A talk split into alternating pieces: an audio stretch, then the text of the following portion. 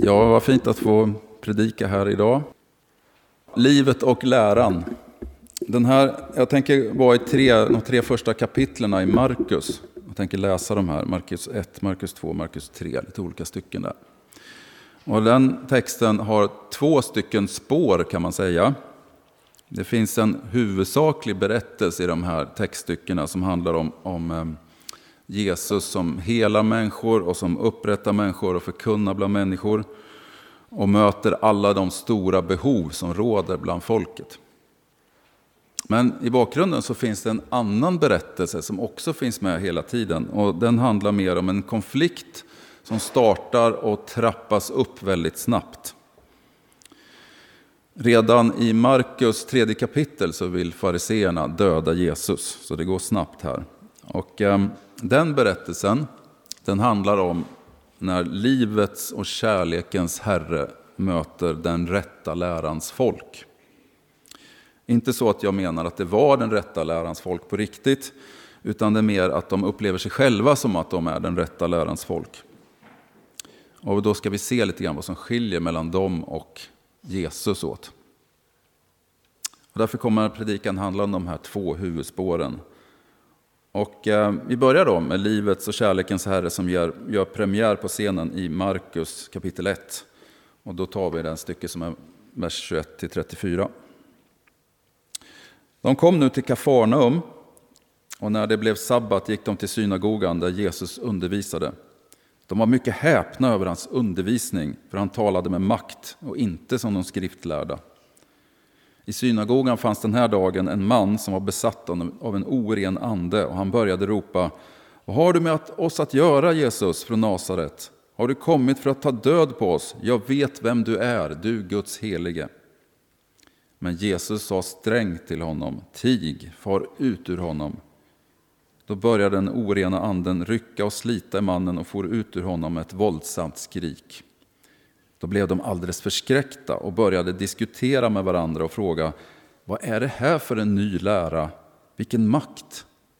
Till och med de orena andarna lyder hans order. Och ryktet om honom spred sig snabbt genom hela Galileen.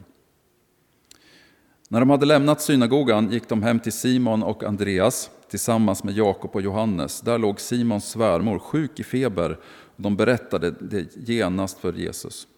Han gick då fram till henne och tog henne i handen och reste henne upp. Febern lämnade henne och hon betjänade dem.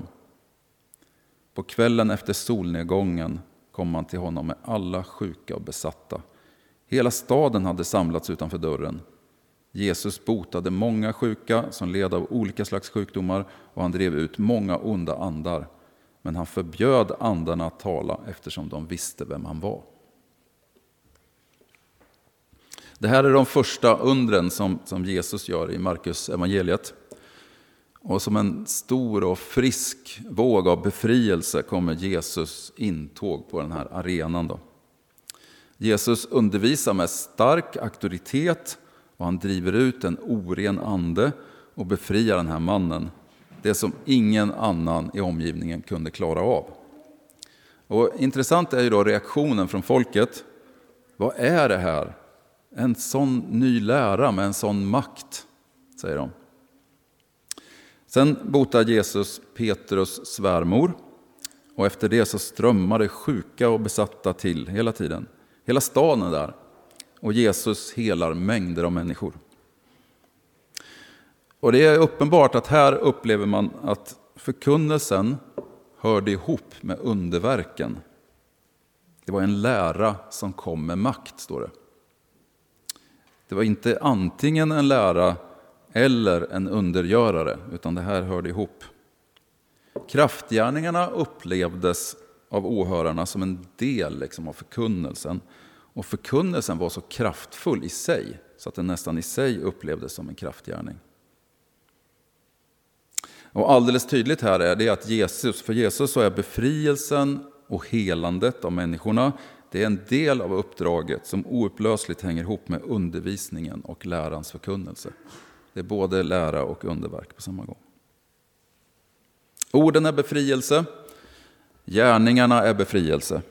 Han går till hög och låg, Han hjälper kompisar och helt okända. Och det är för att det är det som är själva evangeliet. Evangeliet är befrielsen till människorna, antingen genom förkunnelserna, förkunnelsen, syndernas förlåtelse, eller genom helanden, eller genom inre befrielser. Det ingår liksom i samma paket. Det är helt enkelt Guds överväldigande kärlek som strömmar ut på alla dessa olika sätt, men som är ett uttryck för samma sak, Guds befriande kärlek. Och Intressant är också vers 34 här, att de onda andarna de tilläts inte tala om vem Jesus var, för det hade de ju nämligen koll på vem han var. Och Vi vet att Jesus lite senare, och faktiskt ganska snart, skulle anklagas just för det här, att hävda att han själv var Gud. Eh, men vi ser gång på gång i Nya Testamentet att Jesus liksom bara antyder det här, att han är Guds son. Men han säger det inte rakt ut, han till och med mörkar det ibland. Det var inte titeln Guds son som skulle locka. Det var Guds befriande kärlek och det var hans gärningar som skulle tala och locka. Hur ofta marknadsför inte vi evenemang och tillställningar med så fina titlar som möjligt? Med stjärnor för att locka och dra och göra samlingarna så attraktiva som möjligt. Men Jesus han vill inte locka människor med en fin titel. Här var det Guds verk som skulle tala för sig självt. Och han var helt fokuserad på mötet med behövande människor. Då kommer vi till Markus 2, vers 1-12. Det är nästa händelse. Några dagar senare kom Jesus tillbaka till Kafarnaum igen och nyheten om att han kommit hem spred sig snabbt. Då samlades där så mycket folk att de inte ens fick plats utanför dörren och han förkunnade ordet för dem.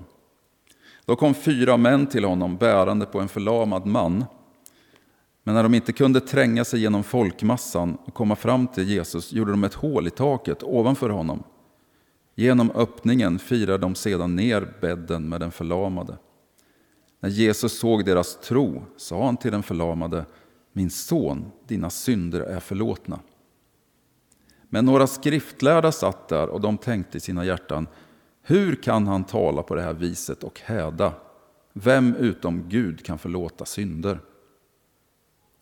Men Jesus förstod i sin ande vad de tänkte och frågade dem varför tänker ni sådana tankar i era hjärtan?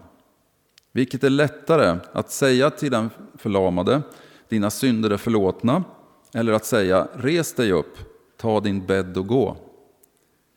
Men för att ni ska veta att Människosonen har makt att förlåta synder här på jorden, nu talar han till den förlamade, säger jag till dig, res dig upp, ta din bår och gå hem. Då steg mannen upp, tog sin bädd och gick ut mitt framför ögonen på de förbluffade människorna. Och man hyllade Gud och sa, aldrig förr har vi sett något sånt. I Markus 2 här får vi vara med ett väldigt spektakulärt helande. Det är helt fullsatt när Jesus predikar ordet. Fyra män med sin lama kompis, de kommer inte in i lokalen för att det är så mycket människor. Då klättrar de upp Plocka bort taket, bara en sån sak. Och sänker ner mannen framför Jesus. Kan du se scenen framför dig? Det här är ju kreativt, det är entreprenöriellt, det är spektakulärt. Här är det show verkligen. Folket var säkert på helspänn. Vad är det som ska hända nu? Jesus ser männens tro och säger till den lame, dina synder är förlåtna. Det är nästan lite antiklimax. Ehm, men det finns några andra där som är så låsta av andra tankar så att de inte hänger med på den här showen alls faktiskt. När Jesus har talat så tänker de skriftlärda direkt så här. App, app, app, app, app. Så får man ju inte säga. Så tänker de. Och Jesus han känner i sin ande att de tänker så. Så han ställer en ganska suverän motfråga. Vad är lättast att säga? Dina synder är förlåtna eller att ta din bädd och gå? Svaret är ju uppenbart enkelt. Om man säger dina synder är förlåtna, det kan ju vem som helst häva ur sig. Och ingen kan pröva det. Det går inte att bevisa, det går inte att pröva om det stämmer. Så det kan man ju bara häva ur sig. Ta din bädd och gå, det kan ju ingen säga, för det är något som ingen klarar av.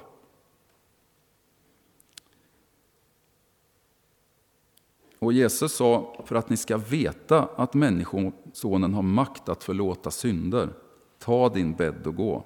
Och mannen tog sin bädd och gick direkt. Det här är ett ganska starkt argument faktiskt. För Jesus han hade ju klarat av det som ingen kunde göra, att hela mannen. Det var ju faktiskt en ganska stark antydan om att kanske Jesus klarade av det andra också, att förlåta synder. Det som inte gick att pröva där och då. Och då ställs de här skriftlärda som finns på plats, de ställs liksom inför ett vägval här. Det rimliga var kanske att tänka och säga, ja men det där var ändå mäktigt. Det antyder någonting, det antyder makt. Det kanske ligger någonting i vad du säger Jesus, låt oss lyssna mer. Men det fanns ju också ett annat val. Inte lika smart, men ur mänsklig erfarenhet så var det mycket vanligare och är fortfarande. De kunde gå i sin egen prestigefälla. De kunde tänka så här, vad är det här för typ som kommer? Vad är det här för uppkomling? Vem är han att komma här och komma? Vi ska minsann ge igen. Vi ska få rätt. Vi är de renläriga.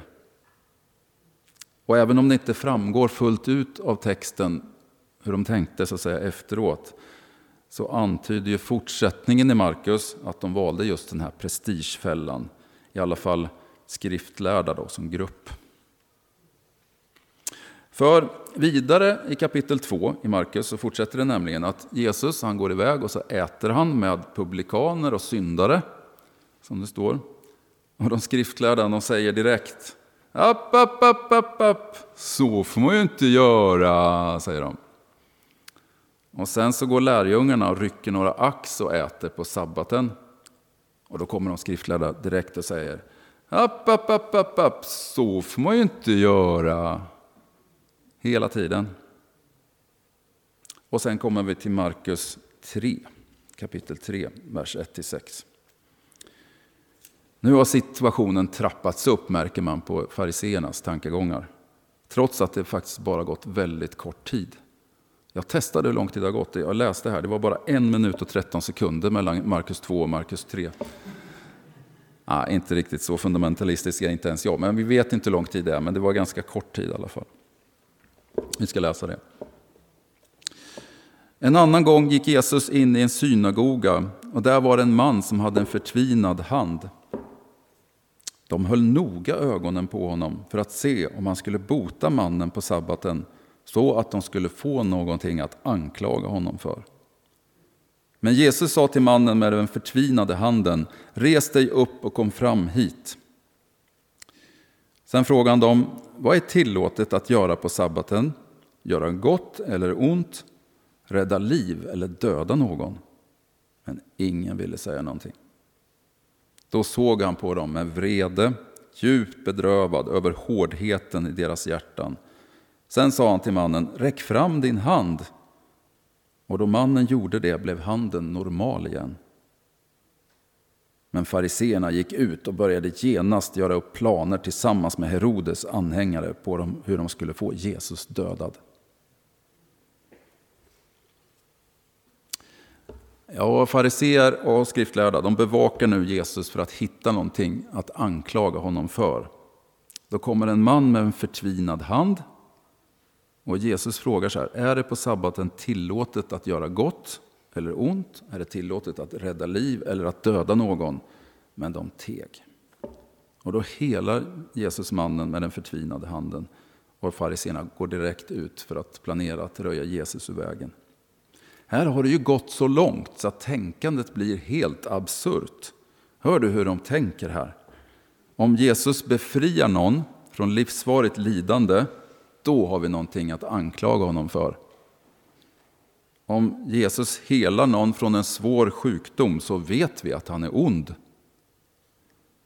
Om Jesus befriar människor så får vi någonting att döda honom för. Det är ju helt orimliga tankar. Men ur de skriftlärdas perspektiv så var det faktiskt ganska logiska tankar. För fariseerna och de skriftlärda, de var den rätta lärans folk.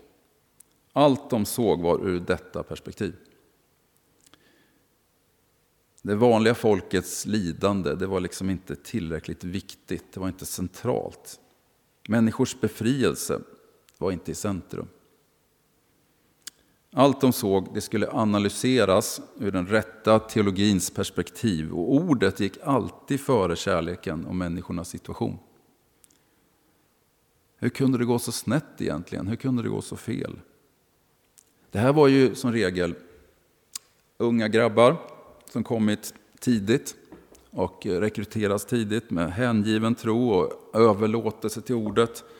Sen hade de blivit äldre, fått en professionell status som verkligen fokuserade på att tolka ordet rätt i varje situation.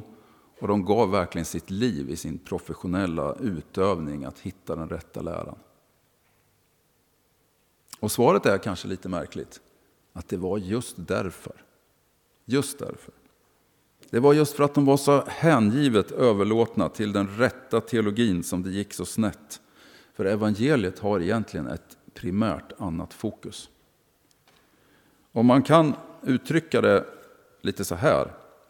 Den som fokuserar på att söka den rätta läran för att nå den rätta läran kommer aldrig att nå den rätta läran, för den rätta läran kan inte nås genom att fokusera på den rätta läran. Den rätta kristna läran den hittas genom att rikta fokus åt ett annat håll. Det är precis den skillnaden som så tydligt illustreras i Markus evangeliets tre första kapitel. Jesus inriktning kontra fariseernas inriktning. Det viktigaste budet som står om i Nya Testamentet är det här, älska Gud av hela ditt hjärta. Och det näst viktigaste budet är älska din nästa som dig själv. Hör ni, den rätta läran platsar inte bland de två första. Men varje ord i skriften är nyttigt för att vägleda och undervisa. Det finns ingen motsättning mellan Bibelns undervisning och att ha ett kärleksfullt fokus egentligen. Men så kan det bli i våra attityder. Och när Jesus kommer så är det fokus på Guds befrielse, på hans förkunnelse och gärningar uttryckt på massa olika sätt till människorna och upprättelsen sker på mängder av sätt. Men när fariseerna kommer så bevakar de ordet och människor blir inte lika viktiga. Speciellt om du inte har riktigt rätt lära enligt dem. Då blir du inte viktig alls. Eller kanske en fiende och du kanske, de blir mest glada om du försvinner eller råkar ut för något ont. Det finns två viktiga effekter av de skriftlärdas inställning och som också går att hitta genom hela liksom, religionshistorien, kyrkohistorien, där liknande företeelser förekommit många gånger. Om du har den här inställningen att det är din renläriga grupp som är finare än alla andra, ni har fattat, de andra har inte fattat, de andra är lurade, ni själva är på Guds sida, och i bästa fall så stannar det där i sämsta fall så ser man som att det är bara min grupp som tillhör Gud och de andra tillhör inte Gud alls. Och så har nog nästan alla sektbildningar börjat någonsin tror jag. Det andra är ju att läran får fel vikt i din teologi. Ordens bokstav blir, blir det primära och hela Guds fokus på ömsinthet, helande, förlåtelse, förståelse, inkluderande och medlidande riskerar att gå dig förbi. De skriftlärda la ju på folket höjda krav, tyngre bördor och gärningsregler, fromhetsyttringar, krav, krav, olika krav på exakt läromässighet. Och Jesus han förkastade de skriftlärda för att de lade så tunga teologiska bördor på folket, men inte präglades av Guds kärlek i någon form alls egentligen till slut.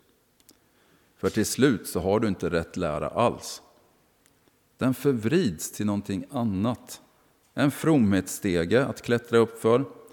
En grupp som tror mer och mer men som, och blir mer och mer inskränkt och som blir färre och färre. Och jag är ju egentligen smärtsamt medveten om när jag gjorde mina första fem år som ungdomsledare för länge sedan.